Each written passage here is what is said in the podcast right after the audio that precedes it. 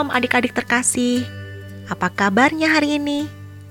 Semoga adik-adik semua tetap sehat dan sukacita. Sudah siap untuk membaca dan merenungkan firman Tuhan? Pasti ya. Nah, bacaan Alkitab kita hari ini terambil dari Lukas 23 ayat 32 sampai 35. Sebelum kita membaca, mari kita berdoa. Tuhan Yesus, kami bersyukur untuk kasih dan berkat yang Tuhan berikan kepada kami setiap hari. Saat ini kami mau belajar dan merenungkan firman-Mu ya Tuhan. Berkatilah kami, supaya kami semakin mengerti akan kebenaran firman-Mu dan kehendak Tuhan dalam hidup kami. Dalam nama Tuhan Yesus kami berdoa. Amin. Mari adik-adik kita membaca bersama Lukas 23 ayat 32 sampai 35. Dan ada juga digiring dua orang lain, yaitu dua penjahat untuk dihukum mati bersama-sama dengan dia. Ketika mereka sampai di tempat yang bernama Tengkorak, mereka menyalibkan Yesus di situ dan juga kedua orang penjahat itu. Yang seorang di sebelah kanannya dan yang lain di sebelah kirinya. Yesus berkata, "Ya Bapa, ampunilah mereka, sebab mereka tidak tahu apa yang mereka perbuat. Dan mereka membuang undi untuk membagi pakaiannya. Orang banyak berdiri di situ dan melihat semuanya. Pemimpin-pemimpin mengejek dia, katanya. Orang lain dia selamatkan, biarlah sekarang ia menyelamatkan dirinya sendiri jika ia adalah Mesias, orang yang dipilih Allah. Juga prajurit-prajurit mengolok-olok dia mereka mengunjukkan anggur asam kepadanya dan berkata, "Jika engkau adalah raja orang Yahudi, selamatkanlah dirimu." Ada juga tulisan di atas kepalanya, "Inilah raja orang Yahudi." Seorang dari penjahat yang digantung itu menghujat dia, katanya, "Bukankah engkau adalah Kristus? Selamatkanlah dirimu dan kami." Tetapi yang seorang menegur dia katanya, Tidakkah engkau takut? Juga tidak kepada Allah, sedang engkau menerima hukuman yang sama. Kita memang selayaknya dihukum, tetapi kita menerima balasan yang setimpal dengan perbuatan kita. Tetapi orang ini tidak berbuat sesuatu yang salah. Lalu ia berkata, "Yesus, ingatlah akan aku apabila engkau datang sebagai raja. Kata Yesus kepadanya, Aku berkata kepadamu, sesungguhnya hari ini juga engkau akan ada bersama-sama dengan aku di dalam Firdaus.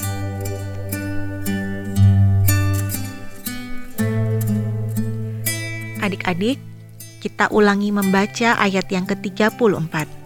Lukas 23 ayat 34. Ya Bapa, ampunilah mereka, sebab mereka tidak tahu apa yang mereka perbuat. Adik-adik, apakah kalian pernah mendengar kisah seorang tokoh yang bernama Nelson Mandela? Ya, Bapak Nelson Mandela adalah presiden kulit hitam pertama di Afrika Selatan.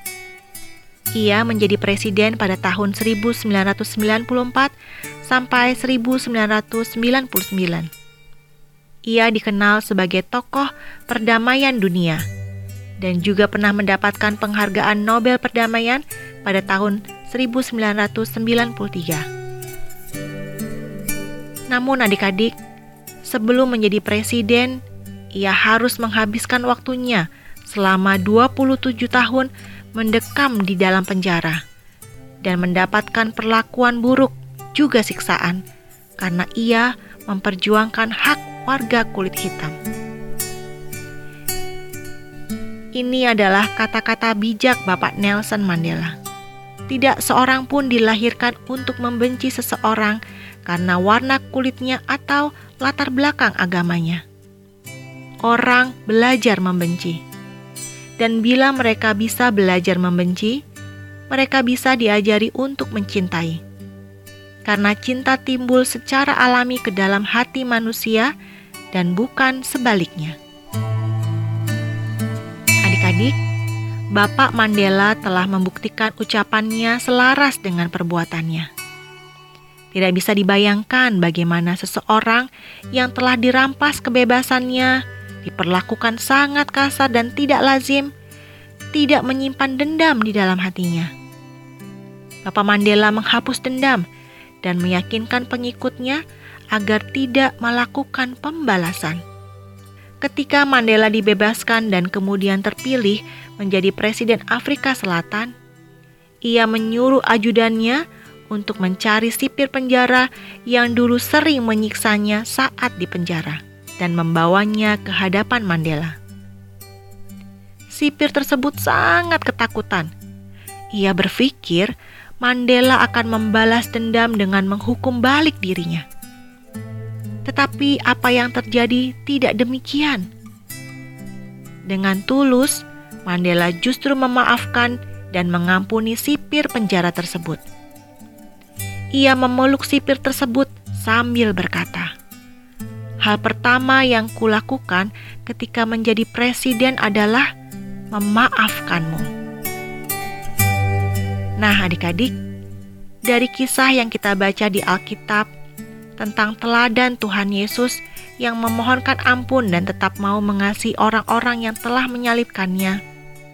Juga kisah Bapak Nelson Mandela yang mau tetap mengasihi dan mengampuni sipir penjara yang telah menyiksanya.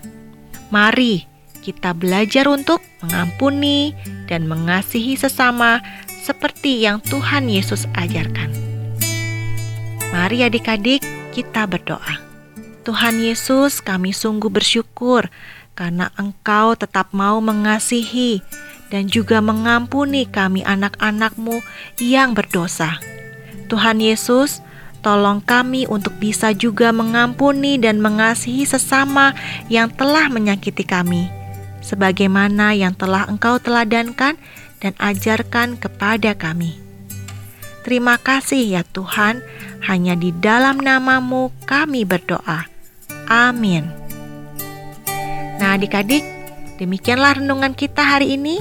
Sampai jumpa. Tuhan Yesus memberkati.